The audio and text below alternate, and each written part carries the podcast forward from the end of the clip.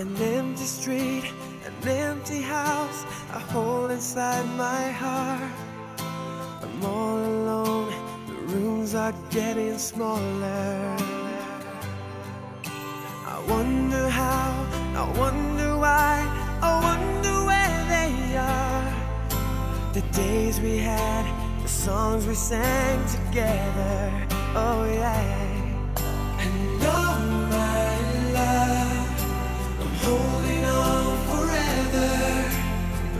reaching for a love that seems so far.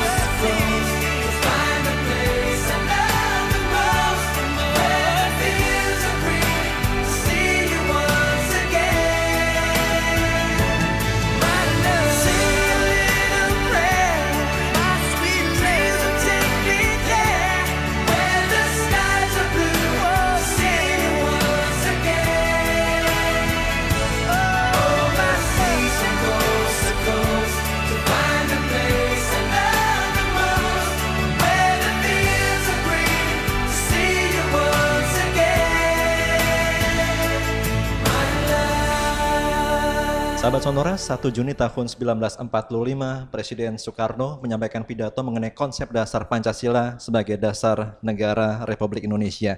Puluhan tahun kemudian, Presiden Joko Widodo menetapkan Hari Lahir Pancasila tanggal 1 Juni tahun 2016 dan Pancasila sampai sekarang tetap tegak sebagai dasar negara.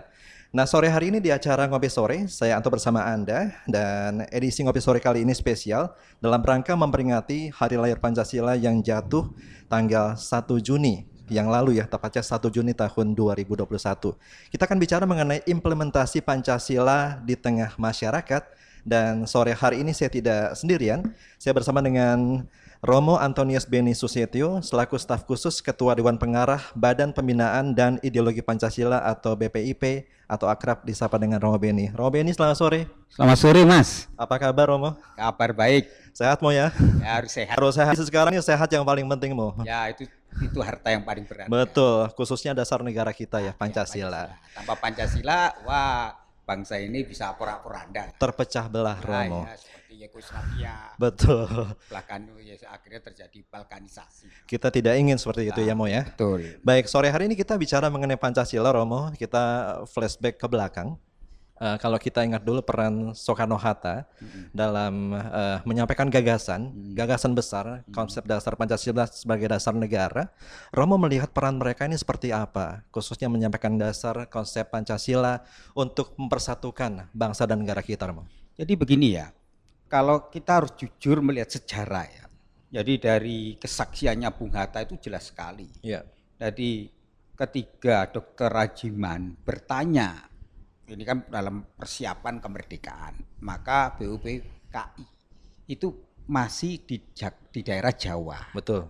Jadi itu pertama, sehingga Sumatera, daerah Sumatera, kemudian daerah Kalimantan itu kan belum, karena Ya. Jepang itu membagi wilayah darat, udara, laut kan.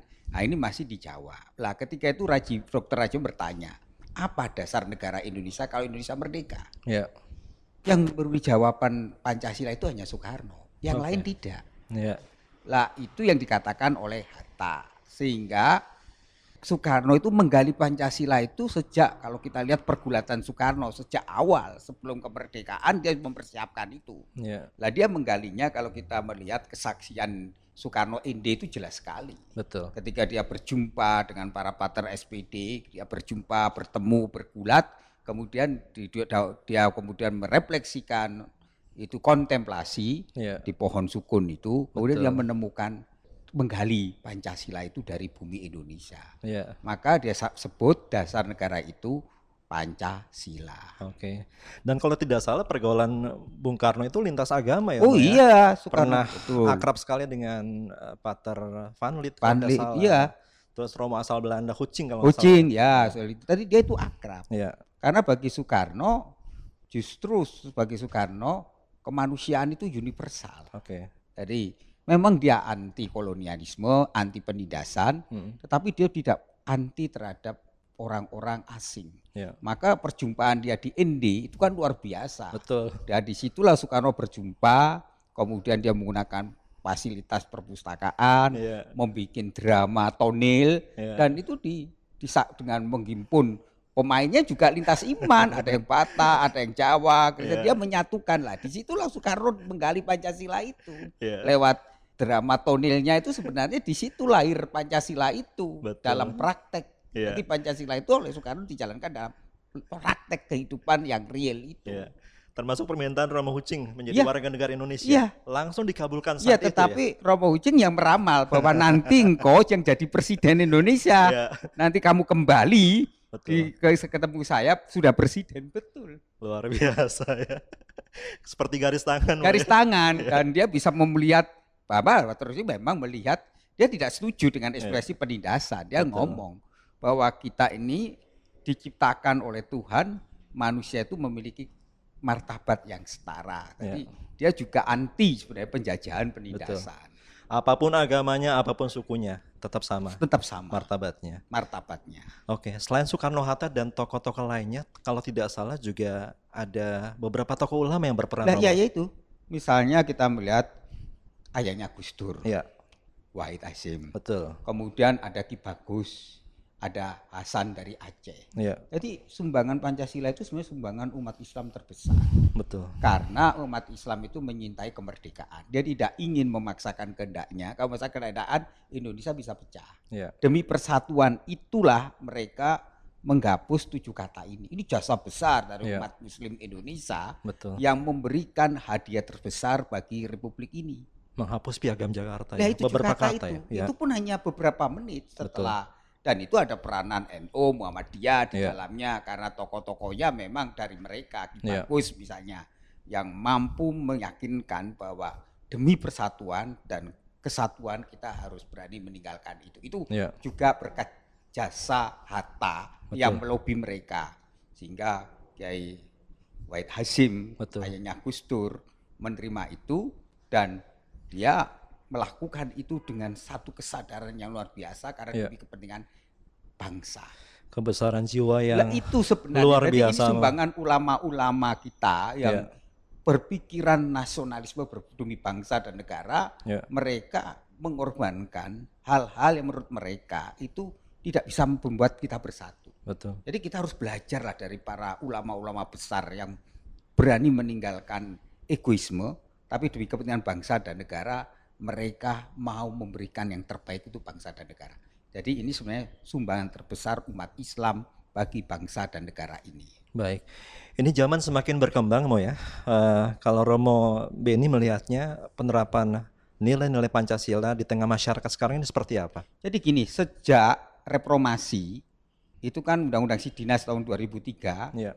mata pelajaran Pancasila tidak ada. Betul. Jadi ada ada ya sekitar 21 tahun ya kekosongan ya. dalam generasi muda karena tidak adanya pendidikan Pancasila. Ya. Maka menarik sebenarnya survei yang dilakukan indikator Mas hmm. Burhan mengatakan anak muda rindu supaya minta pelajaran Pancasila diajarkan. Itu kan menarik sekali karena ya. mereka takut dengan kehancuran bangsa ya. karena dia takut dengan yang namanya sekarang itu gejala di dunia media sosial orang sarah yang kuat dan terjadi potensi konflik sehingga mereka ketakutan ya. kalau itu terjadinya bangsa ini bisa pecah. Hmm. Dan itu menarik untuk anak-anak generasi gadget ya. ya. Kesadaran itu minta kembali Pancasila itu supaya apa? Mereka merasa pentingnya menjaga persatuan itu maka mereka minta pendidikan Pancasila itu diajarkan kembali. Okay. Ini kan sebenarnya kalau dulu kita ini kan males karena didoktrin kan. Betul. Tetapi sekarang ada kesadaran rindu Pancasila. Iya. Lah ini kan fenomena yang menurut saya saatnya lah kita mengembalikan pendidikan Pancasila, tapi dalam bentuk yang memang tidak doktrinal. Karena dalam anak-anak digital lebih ini kan menarik, lebih ya. menarik, lebih fun, lebih ya. membawa orang tidak lagi digurui, tetapi ya. Pancasila itu aplikasi kehidupan. Ya. Maka Pak Jokowi meminta Pak BPIP hmm. lewat Prof Yudian untuk membuat materi hmm. pelajaran pendidikan Pancasila dari PAUD dan tinggi. Okay. Yang isinya 30% pengetahuan, yeah. 70% praktek. Yeah. Dan itulah Pancasila sebagai living ideologi. Okay. Jadi bagaimana Pancasila dipraktekkan dalam hal bagaimana kita membangun persaudaraan sejati, yeah. gotong royong, kebersamaan. Uh, praktek itu kan banyak. Betul. Dan itulah kekuatan bangsa ini. Sehingga mengapa bangsa ini badai COVID mampu mengatasi ya karena jiwa Pancasila terpatri, yeah. yaitu dalam diri sanubari anak-anak bangsa lewat gotong royong itu. Okay. Dan itu nyata. Yeah.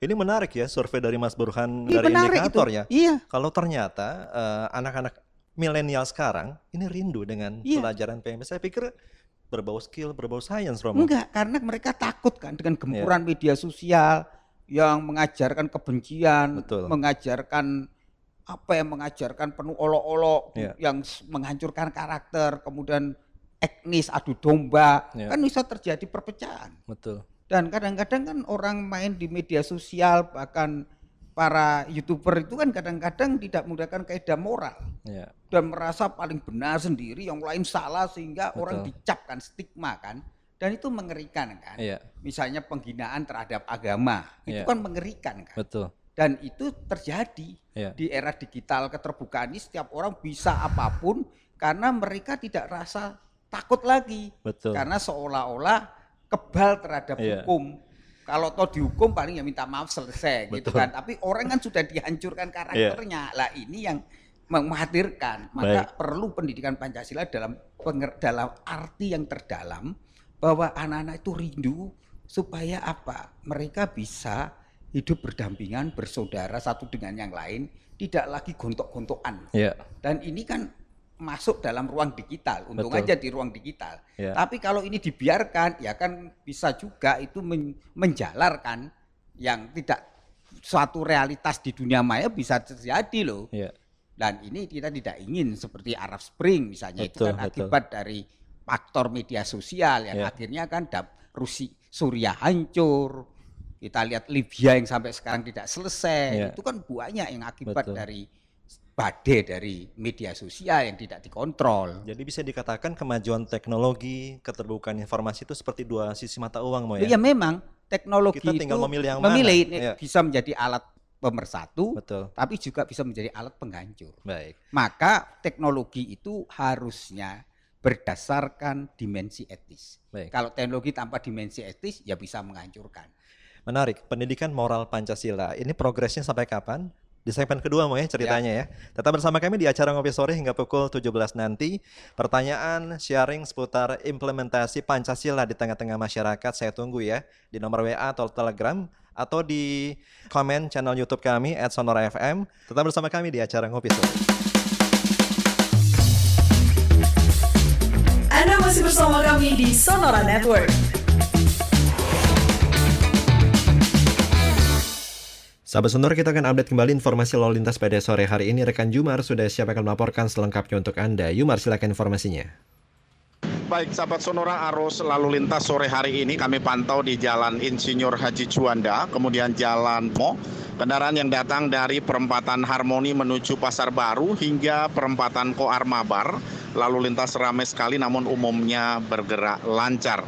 Antrean sedikit terjadi di lampu pengatur lalu lintas Veteran 3 karena aktivitas warga yang menyeberang dan juga putaran arah di lokasi tersebut. Sementara di arah sebaliknya kendaraan yang datang dari Jalan Katedral, kemudian Jalan Veteran menuju perempatan Harmoni, lalu lintas terpantau ramai lancar. Kami bergeser ke Jalan Gunung Sahari Raya dari perempatan Koar Mabar menuju Layang Senen. Lalu lintas juga umumnya dua arah bergerak ramai lancar. Antrean sedikit terjadi namun hanya sekitar 5 hingga 10 kendaraan ke belakang di bawah jembatan Senen karena aktivitas warga menyeberang di sekitar jembatan Senen.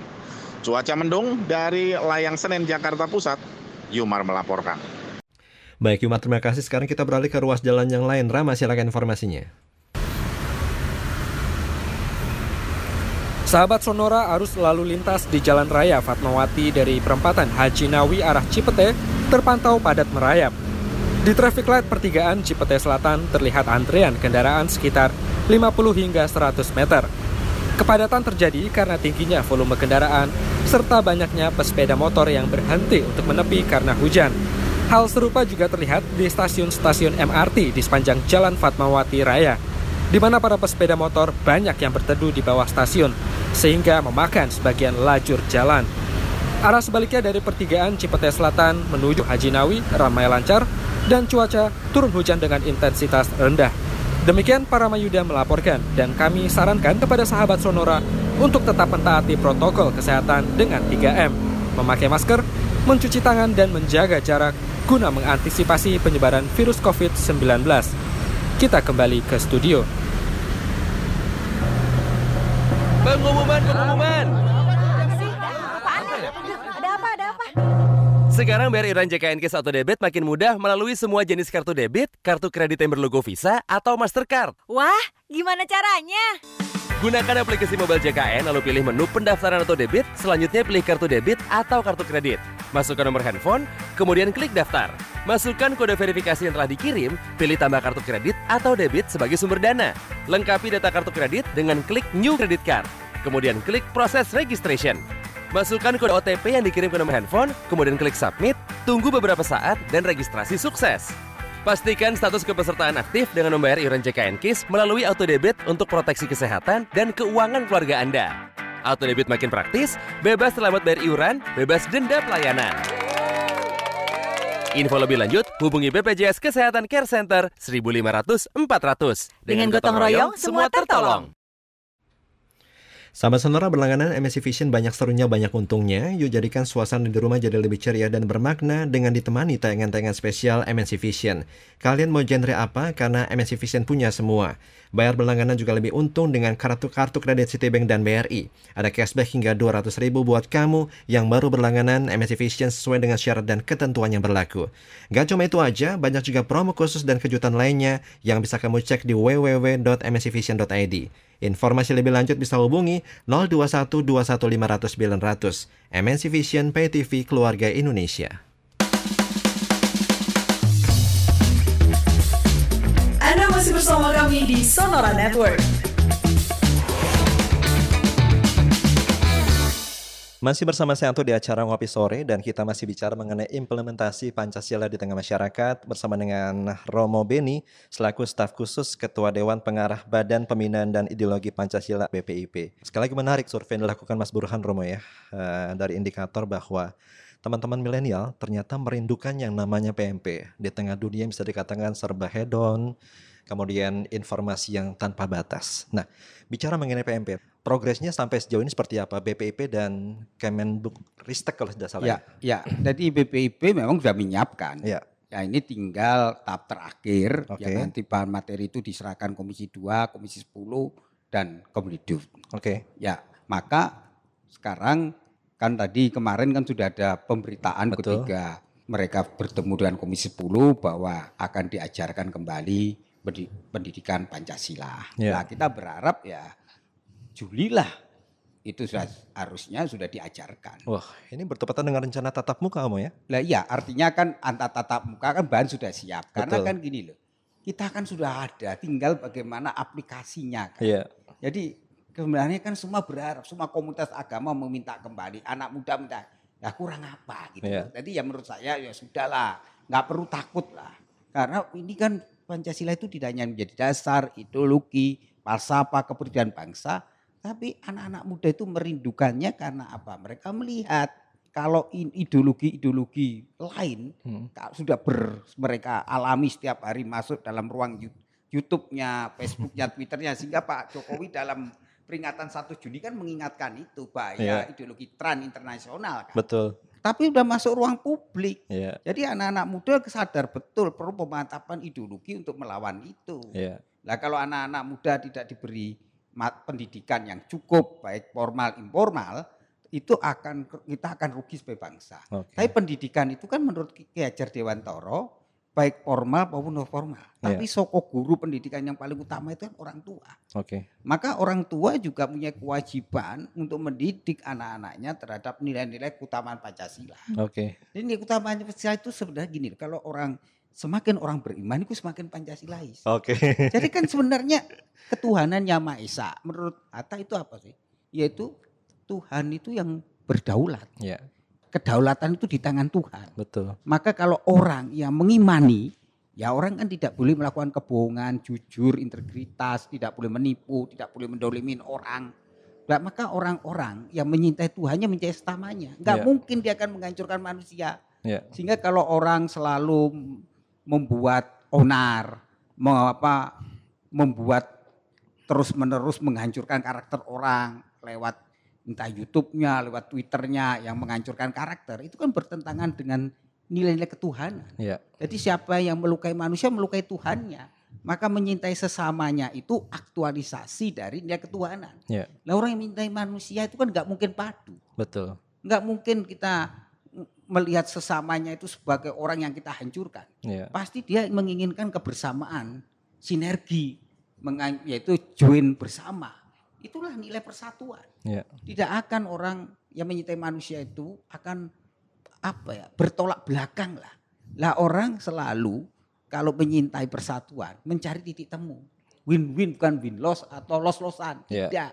Lah itulah nilai musyawarah mufakat yang disebut sekarang adalah gotong royong. Gotong royong. Tadi itu yang disebut sekarang sinergi. Iya. Itu yang disebut dalam sekarang yaitu membangun join Iya. kerjasama. Kerjasama. Nah, dan orang itu yang melakukan nilai-nilai musyawarah mufakat itu kan keadilan. Betul. Keadilan itu hak dan kewajiban sama.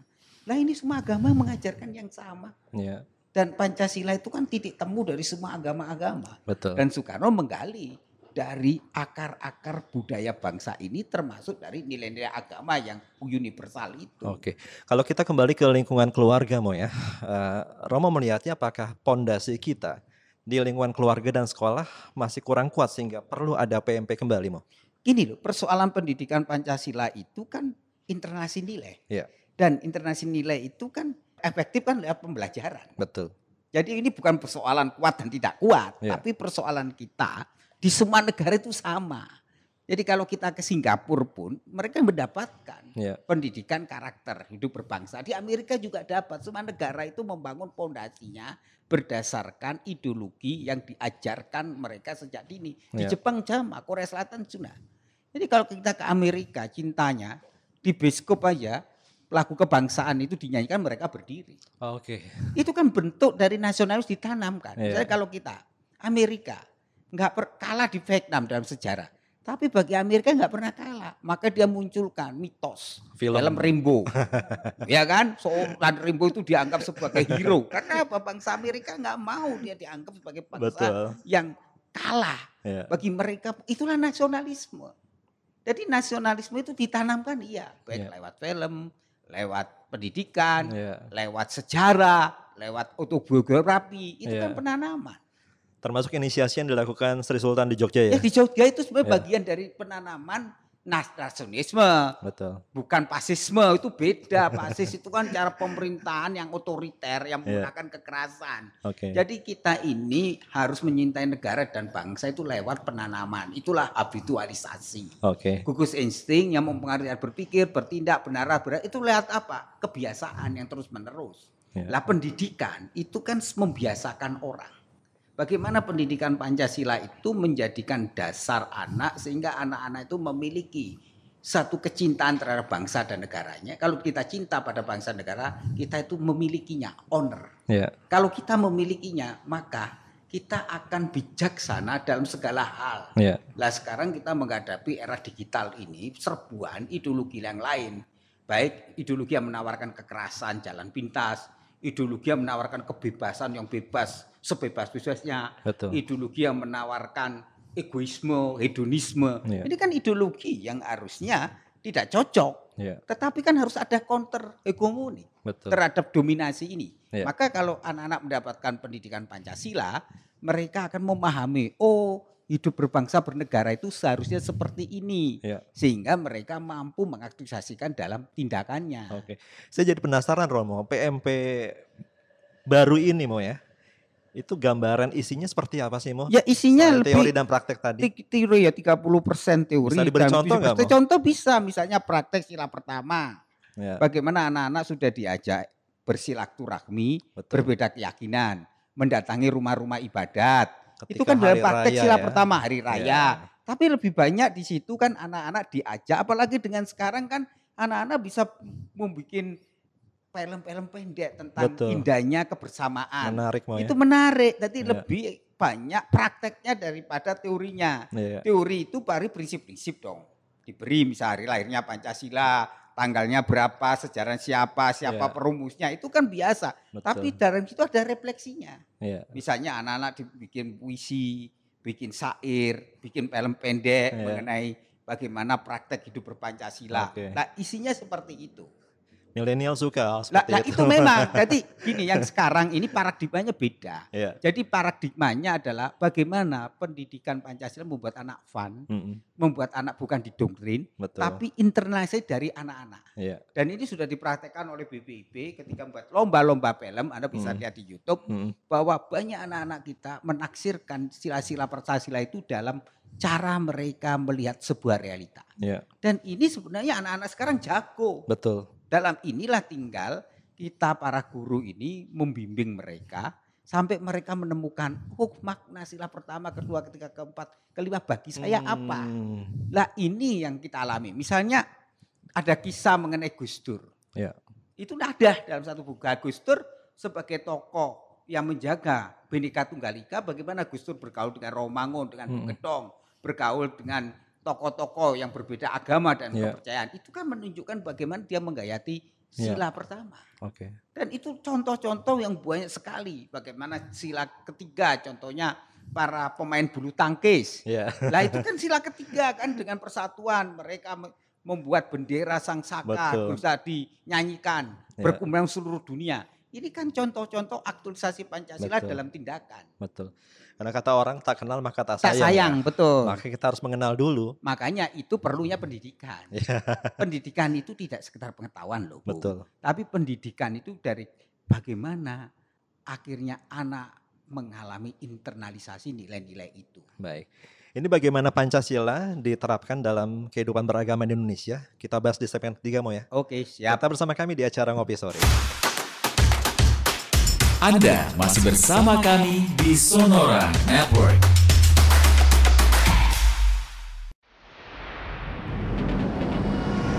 Informasi jalan tol. Perkembangan di ruas tol dalam kota, Semanggi arah Cawang tersendat, kemudian tol Wiyoto Wiono lancar dua arah, tersendat di Ancol arah Tanjung Priuk, tol Jakarta Tangerang arah Jakarta dan sebaliknya arah Tangerang ramai lancar, tol Jorwe 2 dari Ulu Jami ke arah tol Bandara lancar, sebaliknya padat dari Joglo. Ruas tol Jor, Ulu Jami arah Kampung Rambutan dan sebaliknya padat, kemudian tol Serpong, Kunciran, Bandara lancar dua arah.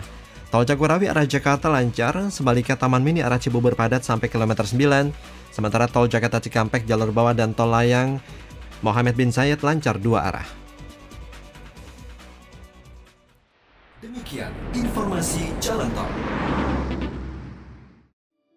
Memang kita sudah jenuh karena pandemi ini membelenggu dunia, mengekang silaturahmi kita.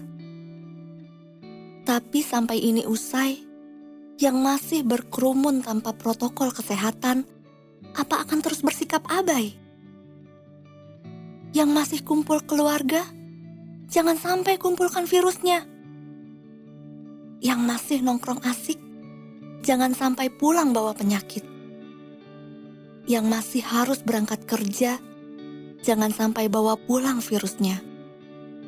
Dan yang masih abai, jangan sampai orang tuamu yang menuai. Waspadai klaster penyebaran COVID-19 di lingkungan terdekat. Selalu pakai masker, jaga jarak, cuci tangan, dan siap divaksinasi. Pesan ini dipersembahkan oleh Kominfo dan Komite Penanganan COVID-19 dan Pemulihan Ekonomi Nasional. Tetap bersama kami di Sonora Network.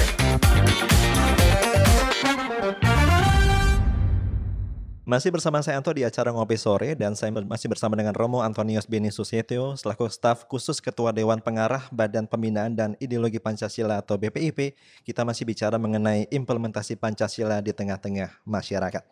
Kita masih bicara mengenai Pancasila mau karena momennya pas kali ya. Uh, Selasa kemarin kita memperingati Hari Lahir Pancasila 1 Juni tahun 2021.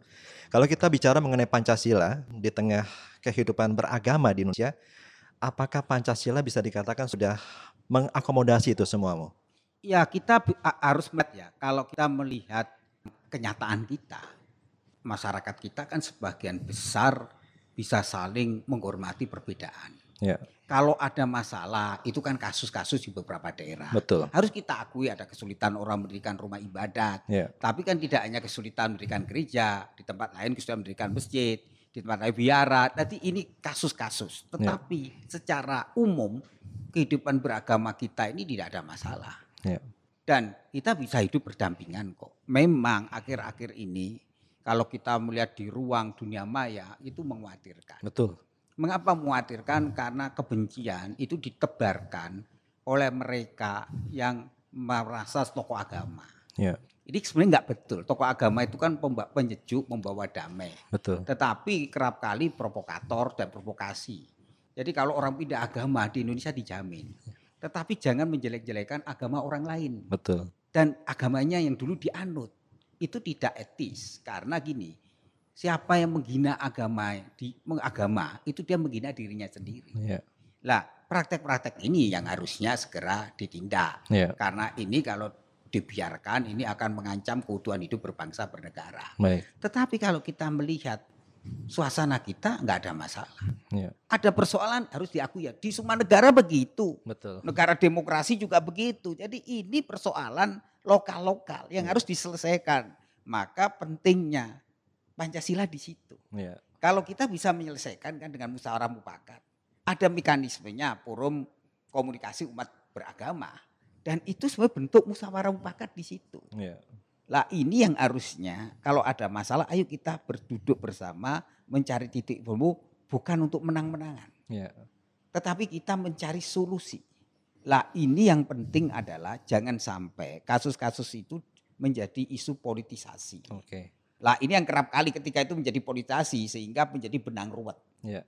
Maka kita mau coba kalau ada kasus-kasus, ayo dicari titik temu penyelesaiannya. Pasti ada solusinya. Baik. Ini agar ada titik temu, agar ada solusi mau ya. Peran tokoh agama nih harus ya, bagaimana? Gini, tokoh agama itu kan dia menjadi sebagai tokoh panutan kan. Ya. Maka tokoh agama harus mau membangun yang disebut keutamaan. Dia harus bijaksana. Bijaksana itu dia harus mampu merangkul semuanya. Ya. Dan sebagai tokoh agama, dia tidak boleh mengobarkan perpecahan, dia tidak boleh berkhotbah itu menghancurkan keyakinan orang lain. Sebagai tokoh agama, dia harus menjadi panutan. Maka dia menjadi pemersatu. Ya. Maka kalau ada konflik, tugas dia adalah mencarikan solusi. Maka dia membangun semangat rekonsiliasi. Ya. Bukan semangat untuk menghancurkan.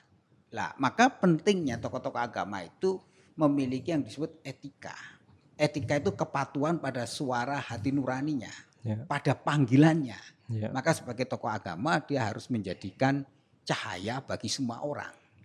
Sampai sejauh ini komunikasi lintas agama seperti apa, Mo? Ya berjalan baik, Efektif ya? efektif di bawah. Ya. Jadi ada dan semua kegiatan lintas imam jalan. Ya. Kalau ada beberapa orang yang nggak setuju itu wajar lah. Itu nah, itulah kehidupan kan tidak semua orang itu kan seperti itu. Tetapi sebagian besar kita kan tidak seperti itu. Iya. Jadi kita itu jangan memotret yang kecil kemudian Betul, dibesarkan. Betul. Tapi lihatlah yang banyak ini loh.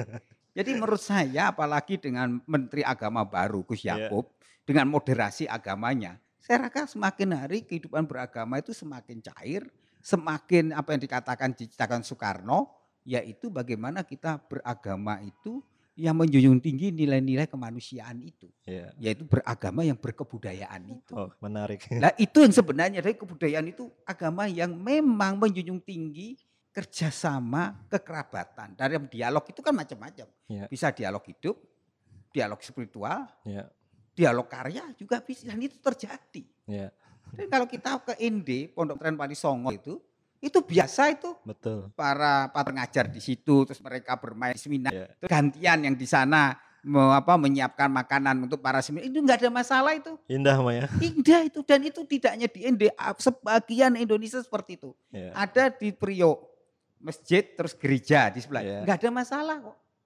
Kebaikan-kebaikan seperti itu yang harus terus Nah itulah peranan disebarkan. media. Jadi media sosial maupun media mainstream itu harusnya banyak menampilkan wajah-wajah kerukunan. Ya. Jangan wajah Kebencian. kebencian. Tapi kebanyakan kan media isinya konflik nggak menarik. sehingga goreng itu loh. Pad- Tapi Ya. kita terus-terus mau sesuatu yang sudah panas. Memadamkan api dalam sekam itu. Selain agama mau ya, ada kearifan lokal di negara kita. Aliran penganut kepercayaan. Apakah negara mengakomodasi juga? Loh iya mereka? kan dengan keputusan Mahkamah Konstitusi kan. Oh, sekarang ada ini Sekarang ya, kan terus di mereka kolom agama di iya, KTP di- ada di ya. KTP ada dan mereka haknya sama. Iya. Dan itu diakui loh Undang Dasar 45 pasal 29 Hmm. agama dan kepercayaan. Kepercayaan itu ya agama-agama lokal. Iya. Jadi kita harus berani juga untuk mau berhubungan dengan siapa pun. Karena sang pencipta itu tidak bisa dibatasi. Betul. Wah, di dunia itu agama ratusan kok. Kalau kita ke pertemuan arah Iya, dialog iya. antar agama itu. Di Irak aja, di Iran aja ada agama api kok. Pak itu dapat di parlemen. Artinya gini loh. Masyarakat juga harus dibukakan cakrawalanya bahwa keyakinan itu personal. Betul. Dan negara tidak boleh intervensi terhadap keyakinan itu. Hubungan kita dengan Tuhan tuh personal sekali. Personal hubungannya. kita nggak bisa dipaksa, Ya, tidak betul. bisa memaksa. Pada memaksa itu haknya. Iya. Jadi kit- dalam hidup bernegara itu yang disebut oleh Gus Dur itu partai meja makan. Iya. Jadi kita ini hubungan sesama bisa bersama-sama ketika kita berdoa mas- masuk kamar masing-masing. Betul. Lah itu yang dikatakan Gus Dur, agama itu menjadi inspirasi batin bukan menjadi aspirasi kepentingan. Ya. Baik politik, kepentingan ekonomi dan budaya akibatnya apa? Kalau seperti itu terjadilah konflik, Inspirasi batin bukan aspirasi. asik kepentingan. Ya. Untuk kekuasaan misalnya untuk merebut. Nah, kalau kekuasaan ya dia gunakan agama untuk menjadi alat teror. Ya. Oke. Itu harus kita hindarkan Mo ya. Iya. Ada sesuatu yang menarik. Pembangunan terowongan silaturahmi Mo. Ya, yang, yang antara menghubungkan dan istiqlal dan katedral. Romo melihatnya seperti apa? Ya kita harus melihat itu kan sebagai monumen bersejarah. Istiqlal dan katedral itu kan simbol. Ya. Simbol Bhinneka Tunggal Ika. Dan itu harus kita lihat bagaimana kehebatan Soekarno waktu itu. Ya. Sehingga di situlah, sehingga kita semua tamu negara itu pasti mengunjungi dua itu. Betul. Karena di situlah simbol mercusuar bahwa kita bisa bersatu meskipun berbeda keyakinan. Ya. Tapi bangunan-bangunan seperti ini tidak hanya di Jakarta, di Malang juga ada. Oke. Gereja misalnya gereja kayu tangan dengan masjid yang ada di dekat pusat alun Mhm. alun-alun pusat Malang. Iya, Itu kan biasa di situ. betul.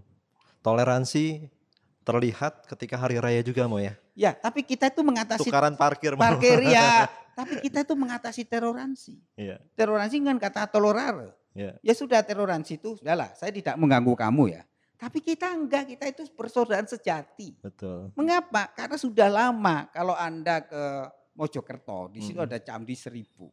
Pada zaman Hindu Buddha, mereka dulu tidak bisa bersatu, di Indonesia bersatu. Iya, Maka dalam kitab Suta Sumo, mhm, negara-negara itu disebutkan kan. iya, Meskipun ada seribu satu keyakinan, aliran, mereka bersatu itu. iya, Pemujaan hanya ada di Indonesia. betul. Dan inilah warisan dari yang namanya kearifan lokal itu. Betul. Manusia itu sama depan Tuhan. Kita eh, menuju sananya memang beda-beda mau ya. Betul. Contohnya saya teman-teman. Iya, iya. kam- Ada yang lewat tol, ada yang lewat ada arteri lewat mau. itu, ada lewat jalan-jalan tikus. Iya. Semua tapi titik temunya kan sama menuju Betul. Antasari. Antasari. Termasuk ini mau BPIP rencananya akan lebih menggaungkan Pancasila di ruang-ruang publik. Betul. Apa saja yang sudah dilakukan? Nanti kita bahas di segmen keempat. Tetap bersama kami di acara Ngopi Tetaplah bersama kami di Sonora Network. Bagi teman-teman dan sahabat seluruh tengah mencari hunian, ada terbaru dari Suwarna Sutra Tangerang. Rumah duaran minimalis dengan desain asimetris dengan sentuhan warna putih, coklat, serta abu-abu yang memberikan kesan clean dan apik. Klaster Fedora Park. Lokasi strategis dekat dengan area Ruko Teras 9 dan rencana CBD. Hadir dengan pilihan hingga 100 meter persegi dengan 3 atau 4 kamar tidur, 2 carport dilengkapi kanopi, serta fitur rumah modern seperti 3 unit CCTV dan jaringan melengkapi kebutuhan Anda untuk WFH dan juga tinggal bersama keluarga. Jangan lewatkan harga perdana klaster Fedora Park mulai dari 900 jutaan rupiah dan DP mulai dari 8 jutaan rupiah per bulan. Serta dapatkan promo perdana diskon jutaan rupiah, gratis iuran lingkungan satu tahun, berbagai pilihan cara bayar, suku bunga KPR mulai 5% per tahun, dan door prize langsung. Ayo miliki hunian impian Anda di Swana Sutra. Hidup sehat dan nyaman dengan adanya Sposland dalam klaster lengkap dengan kolam renang dewasa dan anak serta ruang serbaguna, juga taman lingkungan untuk bersantai dan bercengkrama. Informasi lengkap Anda bisa kunjungi kantor marketing Swana Sutra atau bisa telepon langsung ke nomor 021 3110 3838 atau WhatsApp ke nomor 0823 38 100 100 atau klik suvarnasutra.com. Suwarna Sutra by Alam Sutra Group.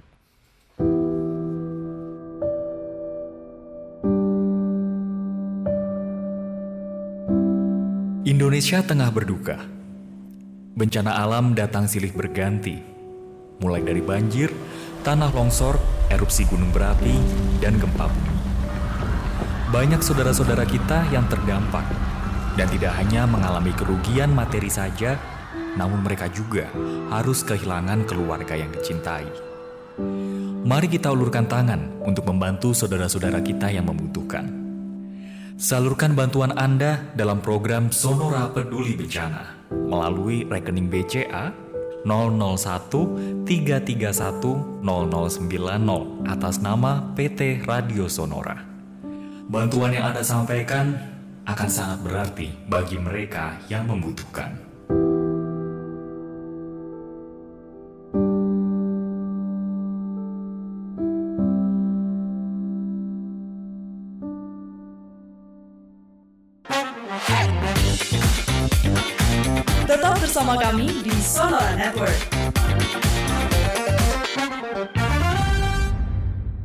Kita masuk di segmen terakhir di acara Ngopi Sore. Kita masih bicara mengenai implementasi Pancasila di tengah masyarakat bersama dengan Romo Antonius Beni Susetio selaku staf khusus Ketua Dewan Pengarah Badan Pembinaan dan Ideologi Pancasila atau BPIP.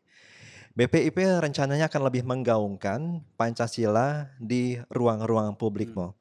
Yang sudah dan akan dilakukan oleh BPIP sampai sejauh ini apa saja? Ya sampai sekarang ini kan BPIP mulai ya mengaplikasikan Pancasila itu dalam bahasa kekinian. Ya. Yang sudah dilakukan misalnya Bahasa gaul, Mo ya? Ya bahasa gaul.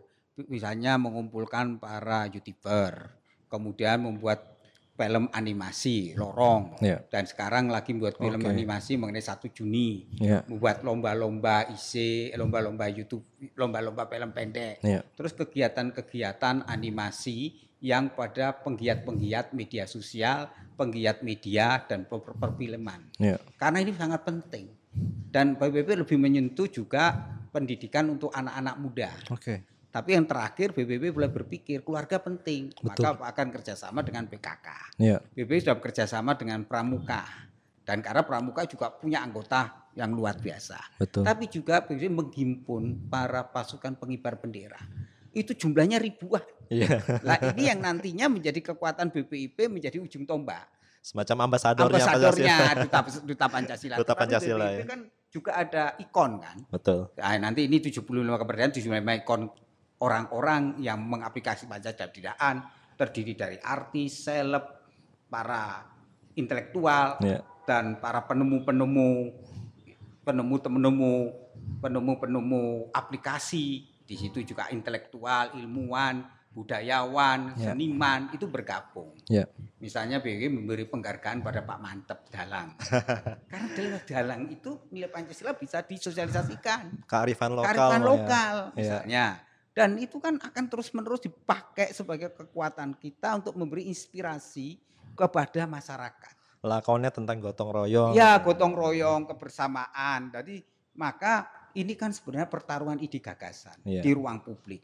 Betul. Maka siapa yang menguasai ruang publik dia yang akan mampu mempengaruhi nilai. Iya. Maka BPIP membangun kesadaran menggandeng para employer, employer, employer, yaitu para youtuber, para netizen, Iya. dan juga para orang-orang yang aktif dalam media sosial. Betul. Cuma kan tantangan sekarang ini tidak mudah Mo ya.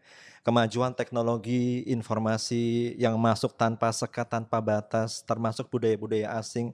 Romo melihat budaya asing yang masuk ke Indonesia ini apakah bisa menggerogoti nilai-nilai kebangsaan kita, Mo? Ya akan dengan sendirinya kalau tidak memantapkan ideologi kita. Iya. Maka pentingnya pendidikan Pancasila di sini salah satunya dan pendidikan keluarga. Jadi nggak bisa kalau kita memberikan udahlah nggak penting.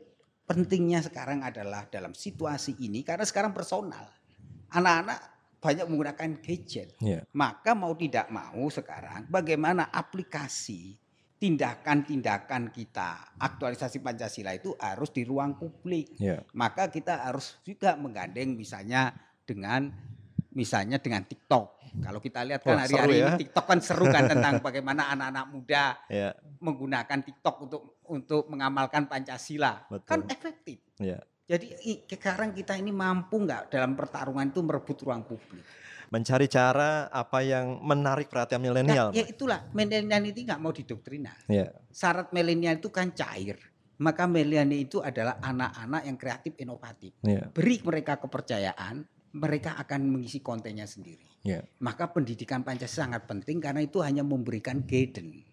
Bagaimana nanti kita ini memiliki sebuah ideologi bangsa dan ideologi itu tidak hanya alat pemersatu tapi ideologi yang menjadi praksis kebijakan untuk mensejahterakan rakyatnya. Oke. Lah inilah yang anak-anak muda akan membuat konten-konten yang menarik sehingga bahasanya pun bisa dimengerti oleh anak-anak milenial itu. Oke. Selain fondasi, selain benteng yang kuat yaitu Pancasila, kita harus melihat budaya asing apakah melarang? Enggak, budaya asing gini. Kalau kita kuat ideologinya, budaya asing itu kan bisa memperkaya. Masuk saja Kan tidak kita masalah. bisa memilih mana yang Iya. baik, mana yang buruk. Iya. Yang buruk ya kita tinggalkan. Betul. Jadi dalam hal misalnya kompetisi itu baik, kita harus kita jalankan itu. Tapi budaya hedonisme, egoisme ini nggak cocok dengan budaya kita itu ya jangan dipakai. Iya. Jadi anak kan dengan kita memiliki rambu-rambu, anak-anak yang Pancasila yang internalisasi dalam hidup, Iya. sehingga orang bisa memiliki rambu. Iya. Jadi dia bisa membedakan mana baik, yang buruk. Iya. Yang baik ya kita jalankan, yang buruk kita tinggalkan. Iya. Termasuk ini mungkin ya diharapkan tokoh-tokoh tidak hanya menyampaikan slogan. Nah makanya Pancasila dan tindakan jangan penting. Pancasila itu tindakan. Iya. Dia aplikasi, dia menjadi living ideologi dalam aplikasi kebijakan. Iya. Jadi kita berharap semua regulasi tidak boleh bertentangan Pancasila. Iya. Regulasi yang merugikan rakyat kecil, regulasi yang mengeksploitasi sumber daya alam, regulasi yang hanya mementingkan kepentingan sekelompok orang itu berarti orang itu tidak berjiwa Pancasila. Iya. Pancasila itu juga tidak memaksakan kehendak. Tapi Pancasila itu mengajarkan kita untuk kebaikan bersama. Iya. Anak-anak kita butuh tindakan nyata, ya? Lah itu bu, bu, mereka butuh keteladanan. Keteladanan. Seperti keteladanan zamannya Soekarno. Soekarno itu rela loh. Iya. Sampai dia berjuang, sampai dia dibuang ke mana-mana ke Dikul, ke Jambi, sampai ke juga dijualkan itu ke situ karena demi kemerdekaan. Iya. Ini visi Bung Karno luar biasa, Mo ya. Ketika menyampaikan gagasan besarnya, menyampaikan pidato mengenai konsep dasar negara kita Pancasila itu kan 1 Juni 1945 Romo Beni. Romo Beni melihatnya sampai sekarang tetap relevan mau? Oh relevan. Pancasila itu sebenarnya menjadi ideologi yang harus kita perjuangkan karena dia menjadi ideologi tata dunia baru. Ya. Sehingga pidato Soekarno di BBB tata dunia baru itu kan disambut luar biasa. Karena lima prinsip itulah dasar kita untuk memberikan inspirasi dunia. Ya. Karena kita memiliki Pancasila itulah yang menggolorakan api kemerdekaan bagi negara-negara yang lain. Ya. Asia Afrika itu jasanya memberi ratusan negara. Ya. Berkembang negara Arab untuk merdeka. Ya. Kalau tanpa itu nggak mungkin. Jadi kita harus melihat Pancasila itu menjadi taman sari dunia. Ya. Makanya mari kita aktualisasikan Pancasila itu dalam tindakan, Ya. dalam pengambilan kebijakan. Ya. Lah perlunya Pancasila itu harus diaktualisasi dalam sebuah perbuatan. Ya. Dan itulah prinsip kita bersama.